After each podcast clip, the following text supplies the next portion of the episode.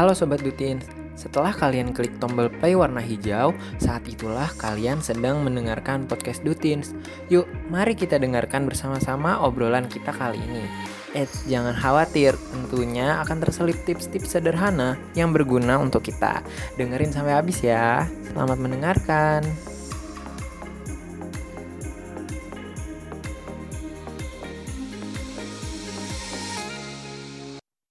Sobat Dutis, jumpa kembali di podcast Dutis bersama dengan aku Alfrida. Ya, kali ini kita sudah masuk pada episode 6 nih Sobat Dutins. Dan pada episode ini aku sendirian menjadi host. Tapi tenang aja, Sobat Dutins tak perlu khawatir karena podcast kali ini bakalan seru banget dan tidak akan membosankan. Jadi tidak perlu khawatir kalau, waduh kurang rame nih podcastnya. Oh, tentu tidak Sobat Dutins. Loh, kok bisa? Memang membahas apa sih? Nah, jadi kali ini kita akan membahas tentang privilege dan beauty standard. Nah, seperti yang kita ketahui bersama, privilege itu merupakan hak istimewa yang bisa didapatkan oleh orang lain tentang suatu hal. Biasanya privilege ini bisa didapatkan dengan diikuti adanya beauty standard yang juga dimiliki oleh orang tersebut. Sehingga orang yang mendapatkan privilege dan beauty standar sekaligus seakan-akan mendapatkan apa pun dengan lebih mudah.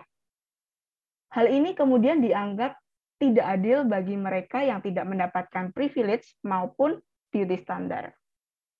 Wah, pasti dalam hati Sobat Dutins ini udah bergejolak nih. Wah, kok kayaknya relate banget nih sama aku. Nih kayaknya aku butuh banget nih pencerahan soal privilege dan beauty standar. Atau mungkin, please kasih tahu aku dong biar tetap percaya diri meskipun ada beauty standar di mana-mana. Oke, untuk menjawab semua kegelisahan Sobat Dutins, kita langsung aja nih kenalan sama speaker kece kita. Speaker kece kita ini udah datang nih. Dan kebetulan speaker kece kita ini punya beberapa pengalaman yang bisa disaringkan bersama dengan kita tentang hal ini. Dan semoga ini bisa memberikan pencerahan buat kita semua agar lebih percaya diri. Hai Kak Clara. Halo Kak. Bagaimana kabarnya hari ini Kak? Alhamdulillah, baik banget nih Kak. Alhamdulillah. Oke, baik. Sebelumnya boleh kenalan dulu nih Kak, nama, domisili, dan jabatannya di Dutins. Oke, halo semuanya. Perkenalkan nama aku Clara Rahayu Anindita, biasanya dipanggil Clara. Aku domisili Jakarta Timur. Terus uh, posisi di Dutins itu sebagai uh, Head of Public Relation. Oke. Kak Clara, pada kesempatan kali ini kita akan membahas topik yang lagi ramai diperbincangkan nih, dan ada beberapa pro dan kontranya juga, yaitu tentang privilege dan beauty standard yang seperti aku jelaskan di awal tadi nih Kak, bahwa privilege dan beauty standard ini saling berkaitan. Privilege yang merupakan hak istimewa yang dimiliki oleh seseorang dari berbagai aspek. Dan beauty standard ini juga merupakan standar kecantikan yang berlaku di masyarakat. Nah, ini kayaknya Sobat Dutin sudah nggak sabar banget nih untuk mendengarkan pengalaman-pengalaman Kak Clara tentang privilege dan beauty standar yang pernah dialami oleh Kak Clara. Bagaimana nih Kak Clara? Sudah siap? Siap dong. Oke, ngomong-ngomong soal privilege nih Kak. Kak Clara ada pengalaman tentang privilege yang dialami oleh Kak Clara sendiri nggak sih? Boleh diceritain nggak? Boleh, boleh. Tadi uh, aku pernah merasakan sebuah privilege ya. Uh, yang aku rasakan itu soal uh, eh, UKT ya kan uang kuliah nih. Jadi uh, aku masuk ke kampus ini karena aku punya kenalan uh, dari tetangga aku yang di mana beliau adalah salah satu karyawan di kampus aku. Karena aku merasa dekat sama tetanggaku ini ya aku mau minta tolong dong. Akhirnya aku ditolongin buat masuk ke kampus yang membuat aku itu free uang pangkal nih kak jadinya kak. Terus uh, itu kan menguntungkan ya buat aku gitu. Aku kayak wow. Bener Jadi, banget itu. Iya kan jadi yang seharusnya bayarnya segini terus karena dapat privilege uh, masuk kuliah terus dibantuin sama tetangga jadi bayar tuh lebih berkurang gitu. Kayak hampir dua kali lipatnya gitu kak. Kan jadi lumayan ya kak buat jajan kayaknya itu nggak lumayan lagi deh kak. Itu kayaknya besar banget deh. Sangat menguntungkan gitu. Iya gitu sih kak yang uh, privilege yang aku rasakan. Itu kayak kurang lebih tuh kayak the power of orang dalam. Bener nggak sih kak? Iya benar benar benar power of, of orang dalam. Oke, ini ternyata Kak Clara ini udah pernah nih ngerasain dapat privilege-nya di UKT tadi. Nah, Betul. Ada ada nggak sih Kak kayak contoh-contoh privilege yang kita bisa lihat dan kita rasakan di masyarakat tuh? Um, banyak banget sih ya Kak, banyak banget kayak uh, akses tuh mudah kan. Kalau orang tuh udah dapat privilege dari masyarakat tuh pasti semua akses tuh mudah terus kayak apa-apa tuh gampang. Apalagi nih kak kan aku main TikTok ya kak. Kayak aku oh, iya, lihat iya, iya. TikTok yang followersnya banyak yang di atas satu juta gitu kan. Terus dia juga cantik juga dia ganteng juga.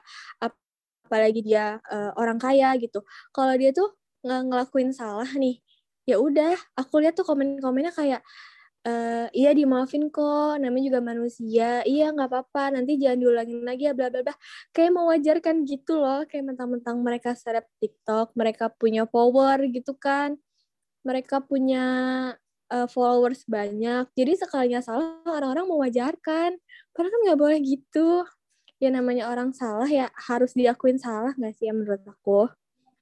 Iya sih setuju setuju. Jadi kayak lebih karena cantik karena ganteng iya. karena populer jadi kayak Bener. salah itu jadi hal wajar dan normal gitu iya nggak sih iya. kayak kesalahan tuh ketutup sama dia cantik sama followers followersnya dia yang banyak itu gitu loh jadinya terus tapi giliran or orang lain yang bisa dibilang biasa aja gitu followersnya pun ya uh, sedikit gitu sekalinya salah walaupun kesalahan kecil dihujat itu nggak berhenti berhenti kayak iya. bener-bener privilege tuh apa ya bener-bener sesuatu yang mungkin semua orang tuh inginkan gitu apalagi di kondisi yang seperti ini ya kak yang kalau wah dihujat tuh rame-rame gitu nggak banget iya dia bawa rombongan gitu, cuman kak. cuma 10 orang akhirnya jadi 100 terus jadi banyak banget yang menghujat Bener. efek pandemi memang luar biasa sih Bener banget. Padahal yang lain juga belum tentu tahu salahnya apa, tapi ikut-ikutan aja. Iya, bener banget. Itu memang, wah, netizen luar biasa. Bener. Oke, tadi kita juga udah membahas tentang uh, cerita privilege-nya Kak Clara yang tadi dapat keringanan UKT yang itu luar biasa banget. Nggak meringankan lagi, tapi sangat-sangat ringan dan contoh-contoh privilege yang kita bisa lihat dan bisa kita rasakan juga di masyarakat entah itu di dunia maya ataupun di dunia nyata. Nah, ada nggak sih kak privilege yang membuat kak Clara tuh lebih adem terus ngerasa lebih oh ini nih privilege yang aku punya yang bisa bikin aku jadi lebih tenang, lebih damai dan lebih adem gitu. Kalau kayak contohnya punya keluarga yang support atau mungkin teman-teman yang selalu ada gitu kak Iya, ada kak uh, privilege yang bener-bener aku rasain gitu kan. Kayak aku punya uh, orang tua yang suportif, punya keluarga yang suportif, yang kayak membebaskan anaknya mau berekspresi apa gitu. Yang penting akunya happy, akunya enjoy ngejalanin. Itu bener-bener yang yang aku tuh ngerasa aku banget gitu kak. Kayak seneng aja karena aku aku aku lihat dari teman-teman aku yang mereka tuh masih diarahin sama orang tuanya orang tuanya maunya A, anaknya mau B. Tapi aku kayak aduh alhamdulillah untung aku punya orang tua yang sangat amat suportif gitu kak. Apalagi kita sebagai generasi Z yang udah beranjak remaja dewasa awal ini perlu banget sebuah kebebasan tapi juga perlu dukungan. Bener banget ya sih kak Bener banget, bener banget. Tapi kan sekarang tuh semua akses tuh mudah ya kak. Jadi tuh lebih kita tuh lebih gampang buat berekspresi, buat tentuin kita tuh mau jadi apa. Iya kan? Iya bener banget. Dan tentunya itu juga harus terarah dan bisa dipertanggungjawabkan. Benar, setuju Kak, setuju. Oke, tadi kita ngomong tentang privilege nih Kak, dan pasti juga akan nyerempet-nyerempet dan akan berhubungan juga sama standar kecantikan atau beauty standar. Nah, sebenarnya perlu nggak sih Kak untuk memasakkan standar kecantikan yang ada di masyarakat pada diri kita? Oke, um, menurut aku nggak perlu sih, maksudnya nggak perlu memaksakan standar kecantikan di masyarakat. Karena kan yang aku tahu standar kecantikan itu beda-beda ya dari tahun ke tahun. Kayak uh, model kayak model rambutnya atau model make up itu pasti selalu berubah-ubah kan setiap tahun gitu. Benar. gitu dan kayak nggak ada habis-habisnya jadi kalau kita ngikutin terus capek nggak sih kayak nggak jadi diri kita sendiri gitu kan iya yeah. terus ya uh, ada suatu momen yang di mana kita nggak bisa menuhin standar kecantikan kayak ngerasa aduh aku kayak nggak worth it gitu ya gak sih karena iya, nggak bisa standar itu. Jadi menurutku tuh standar kecantikan bukan dijadiin patokan sih tapi lebih kita jadiin motivasi aja gitu loh. Kayak lebih lebih bisa mengupgrade diri sendiri nggak sih daripada harus selalu ngikutin ngikutin tren-tren itu? Setuju. Karena kalau tren itu kan dia muter ya kayak siklus gitu kan. Yang nah, sekarang ngetren itu ternyata dulu juga pernah ngetren gitu kan. Benar, benar banget, benar banget. Oke, karena tadi Kak Clara mengatakan bahwa kita tidak perlu memaksakan standar kecantikan yang ada di masyarakat pada diri kita. Yang terpenting adalah standar kecantikan itu bisa dijadikan motivasi untuk kita. Benar kan, Kak? Betul, Kak.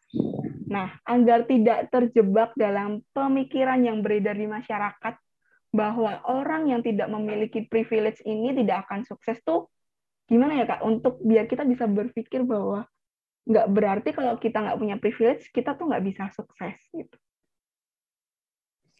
Oke, okay. um, aku agak bingung sih yang menjelas ngejelasinnya gitu. Kalau aku boleh kasih contohnya, misalnya gini, misalnya ada dua orang nih, orang A dan orang B, yang di mana mereka sama-sama membangun bisnis terus uh, bangkrut gitu kan, collapse. Lalu orang A ini dia itu uh, orang yang mempunyai privilege dari orang tuanya. Secara fin finansial dia oke okay, terus juga akses ke mana-mana gampang relasi juga banyak. Sedangkan uh, orang B itu dia dari keluarga yang sederhana terus juga mempunyai relasi yang sangat terbatas. Ketika mereka membangun bisnis terus uh, bangkrut si orang A nih yang dari kecil yang nggak pernah ngerasa susah gitu kan karena selalu difasilitasi sama orang tuanya itu kan pasti sekalinya drop pasti stres banget kan karena dia nggak pernah ngerasain susah dia nggak tahu tuh rasanya uh, merintis usaha dari nol. Tapi sedangkan orang B yang di mana dia ngerintis usaha dari nol hidupnya sederhana dia tuh lebih kuat mental gitu gak sih menurutku ya?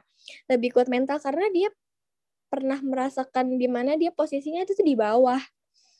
Dan yang pasti dia punya pola pikir dia tuh nggak akan mau hidup susah karena dia udah pernah pernah merasakan hidup susah gitu sih. Jadi Betul. mungkin orang yang uh, orang yang hidupnya susah terus dia ngerintis bisnis menurut aku tuh motivasinya lebih besar karena dia nggak akan mau hidup susah lagi gitu. Terus uh, lebih meng mengubah pola pikir sih yang tadinya mungkin kayak ngelihat orang yang punya privilege dalam hatinya secara nggak sadar mungkin dia berpikir ih enak banget ya dapat privilege gitu. Tapi kita tuh bisa ubah itu loh. Jadi kayak uh, aku tuh harus dapat privilege itu juga. Jadi kayak memotivasi diri sendiri dibandingkan membandingkan diri kita dengan orang yang punya privilege. Bener banget sih kak kalau misalnya yang ada di keluarga A yang kalau misalnya dia mengalami masalah terus dia ngedrop karena dia selalu dapat fasilitas dan uh, seluruh kebutuhannya dia dipenuhi oleh keluarga atau mungkin orang-orang sekitarnya. Kalau keluarga B kan dia memang karena dia udah pernah ngerasa di bawah, pernah dan memulai usahanya benar-benar dari nol ketika ada hambatan atau kesulitan apa pun dia akan menjadi orang yang lebih tangguh gitu bener nggak sih kak? Bener mental tuh udah kebentuk kan kak karena dia udah pernah merasakan susah Bener banget. Apalagi kalau misalnya tadi yang uh, kita bisa ubah pola pikir ya kalau misalnya uh, kita yang belum pernah mendapatkan privilege kayak yang orang-orang dapatkan, kita juga bisa mengubah itu apa yang kita tidak punya itu sebuah motivasi bahwa aku sebenarnya sebenarnya bisa nih dapat ini dan bisa lebih dari yang aku inginkan gitu. Bener gak sih kak? Bener kak, bener kak. Yang penting usaha aja sih kak, ya kan? Usaha dan berdoa, Widi. Bener, bener banget. Itu kalo memang sepaket. iya, kalau udah usaha kencang, doa kencang, kayak motivasi juga kencang, pasti insya Allah sih kak bisa bisa lebih dari orang yang punya privilege dan menciptakan bener. privilege sendiri. Iya, benar sekali karena semesta pasti akan mendukung. Widih, mantap. bener kak, bener. Oke, tadi membahas tentang uh, filosofi dari keluarga A dan eh dari orang A dan orang B ini. Nah, pasti juga akan berhubungan dengan kiat-kiat apa sih yang bisa kita lakukan untuk kita bisa membuat privilege sendiri. Setidaknya uh, kita tidak perlu iri dengan privilege yang dialami oleh oleh orang lain, tapi kita bisa membuat privilege kita sendiri yang tentunya bisa memotivasi orang lain. Gimana sih kak kiat-kiatnya tuh? Um, yang pertama ini sih motivasi karena dari yang pernah aku rasakan gitu, uh, motivasi itu tuh kayak salah satu faktor utama seseorang mendapatkan privilege. Ini aku kasih contohnya, ini contoh dari diri aku sendiri nih dulu tuh aku pernah aku sekolah nih. Aku sekolah tuh aku pernah suka nih sama cowok nih kak. Terus aku pernah suka nih sama cowok kan pas pas waktu sekolah. Terus kayak aku tapi merasa kayak aku tuh merasa kayak aduh kayaknya aku nggak pantas deh gitu kan. Aku karena aku melihat teman-teman cewek-ceweknya dia tuh kayak ya ampun cantik-cantik banget. Terus orang-orang yang pintar di kelas gitu loh. Terus akhirnya aku kayak karena aku suka sama itu cowok akhirnya aku termotivasi nih untuk glow up kan secara uh, fisik juga terus juga uh, karena teman-temannya pun pintar gitu kan aktif di kelas ya udah aku juga memberanikan diri untuk berani speak up. Nah terus uh, pokoknya tuh setelah aku tuh memotivasi diri aku untuk glow up gitu kan pakai skincare terus aku juga jadi sering latihan ngomong biar aku berani ngomong di kelas Nah, tapi ketika aku udah sampai di titik yang aku merasa udah go up, gitu kan, dari fisik juga, dari aku aktif di kelas juga, terus kayak rasa sukanya tuh hilang gitu loh, Kak. Kayak, kayak, kayak gak tahu deh aku karena aku cuma jadiin dia, mungkin ya cuma jadiin dia motivasi aja gitu loh. Kayak rasa sukanya tuh kayak luntur gitu gak sih, Kak? Iya, bener. padahal aku udah kayak aku udah glow up gitu kan. Karena suka sama dia tapi giliran udah tercapai kayak ya udah hilang gitu aja. Berarti ini mengejar mengejar glow upnya nih bukan orangnya nih berarti. Tapi sebenarnya itu plan B ya tapi ternyata dijadikan plan A. Jadi nggak suka lagi sampai itu aja jadi kayak jadi biasa aja. Terus karena setelah itu uh, ya udah jadi akunya tuh uh, udah terbiasa kayak pakai skincare, udah terbiasa jadi aktivis di kelas waktu sekolah yang membuat aku mendapatkan privilege aku jadi deket sama do sama guru kan, jadi dicariin guru, deket sama guru karena sering komunikasi sama guru. Gitu sih, Kak. Wow, itu keren banget sih, Kak. Kayak motivasinya biar bisa uh, istilahnya kayak bisa deket sama cowok itu tapi setelah dapet sudah sesuai target bahkan melampaui target tuh kayak mm. oh ternyata bukan uh, itu yang aku cari ternyata gitu. Bener gak sih kak? Bener kayak kalau orang-orang bilang tuh kalau uh, kalau aku udah cantik seleranya bukan kamu lagi. Wow. Gitu bener kayak ternyata kejadian. Ternyata emang motivasi untuk glow up itu tuh uh, apa ya dampak positifnya tuh banyak banget. Kayak yang awalnya Kak Clara mungkin awalnya kayak pendiam gitu ya. Terus akhirnya karena pengen bisa dilirik nih ceritanya. Jadi kayak usaha untuk bisa kayak jadi apa tadi osis terus bisa yeah. pick up dan lain sebagainya. Akhirnya yeah. Kak Clara mendapatkan privilege-nya sendiri. Padahal awalnya cuma untuk mengejar cowok itu. Iya nggak sih kak iya kayak aku dulu siapa sih di mata guru kan? Mungkin wow. gue juga gak notice kali ada aku di kelas.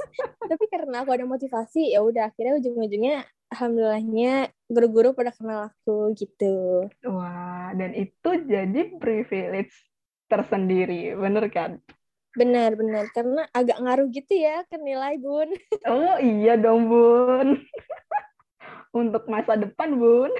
Benar banget tapi itu itu memang sebuah usaha yang luar biasa sih kak untuk yang mengubah mindset dan membuat menjadi motivasi. Karena kan kalau motivasi tuh kadang ya ada semangatnya kadang juga ada uh, malasnya kadang juga ada capeknya. Apalagi motivasinya itu kayak bukan dari diri sendiri tapi uh, diawali karena aku pengen deket nih sama cowok itu. Itu tuh tantangannya besar banget loh kak untuk tetap bersemangat sama motivasinya. Nah, gimana sih buat bisa tahan sama motivasi yang udah dibuat tuh gimana sih kak?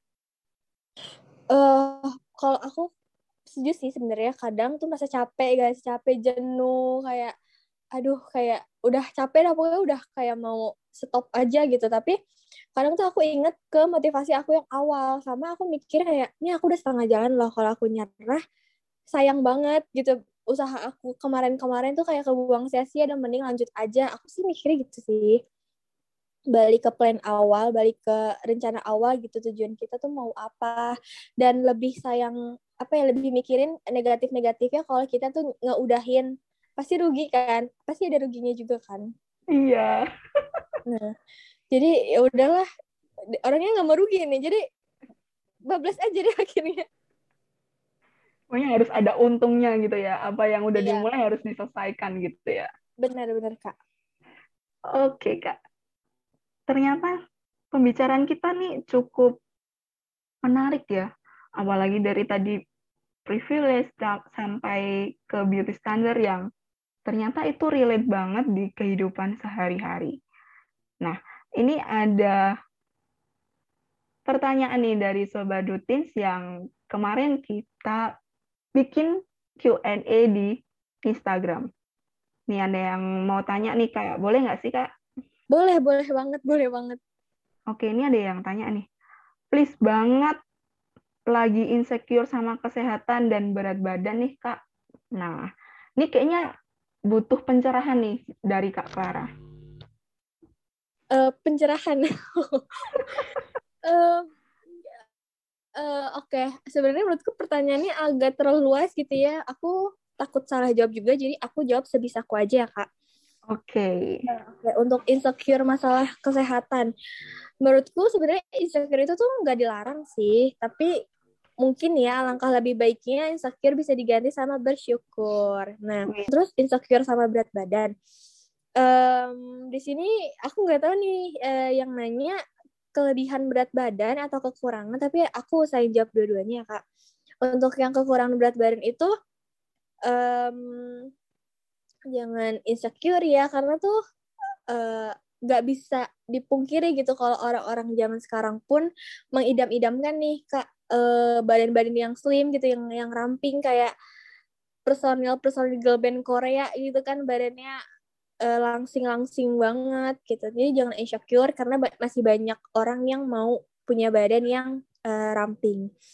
Terus untuk yang kelebihan berat badan juga nggak boleh insecure juga nih karena yang aku tahu ya kayak Victoria's Secret itu model-modelnya badannya tuh udah mulai curvy-curvy gitu loh kak. Aku lihat di Instagramnya ya waktu itu kan sempat jadi pro kontra juga. Tapi aku salut sih sama Victoria's Secret karena mereka tuh berani ambil keputusan gitu untuk membuat uh, orang yang mempunyai model curvy itu dijadikan model walaupun banyak hujatan. Dan semua badan semua bentuk badan sih semua bentuk badan tuh oke okay lah menurutku. Gitu sih kak Oke, keren banget nih jawaban dari Kak Clara.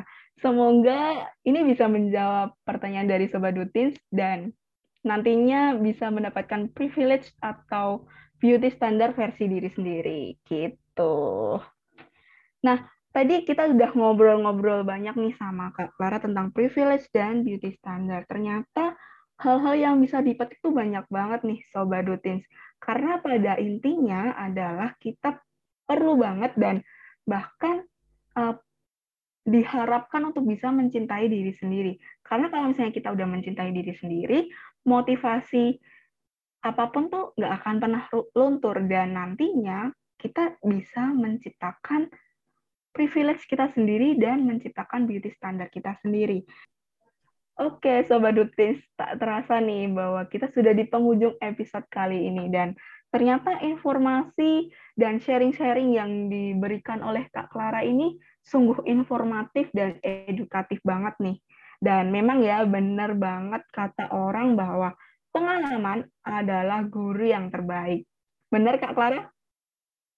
Betul dong Kak. Dan Kak Clara ini juga sudah membuktikan itu semua terbukti dari tadi bisa sharing-sharing dan ternyata sharingnya ini relate banget sama kita. Dan tentunya proses ini tidak akan pernah berjalan secara instan ya Kak, pasti akan perlu waktu dan perlu tenaga yang lebih. Betul Kak, setuju. Lebih okay. banyak effort yang dikeluarin ya Kak. Iya, benar banget. Biar kita juga bisa dapat hasil yang maksimal. Baik, terima kasih Kak Clara sudah menyempatkan hadir di podcast Dutins episode 6 kali ini. Nah, semoga sharing-sharing dari Kak Clara ini bisa memotivasi kita semua untuk lebih mencintai diri sendiri.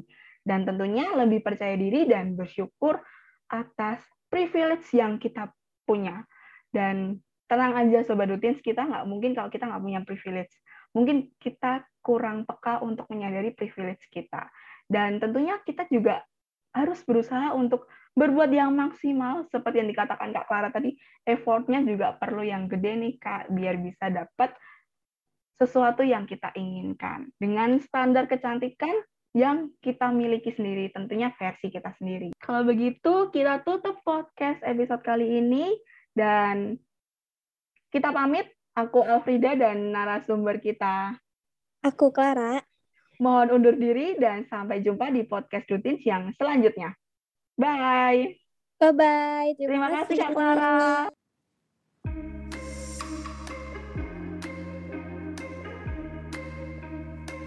Terima kasih sudah mendengarkan episode ini sampai selesai. Yuk sharing pengalaman serupa kalian di postingan Instagram @dutins. Langsung aja ke Poin EGTV dan juga feed Instagramnya. Dan terakhir jangan lupa untuk dengerin podcast Dutins episode yang lainnya. Pokoknya nggak kalah serunya deh. Sampai jumpa!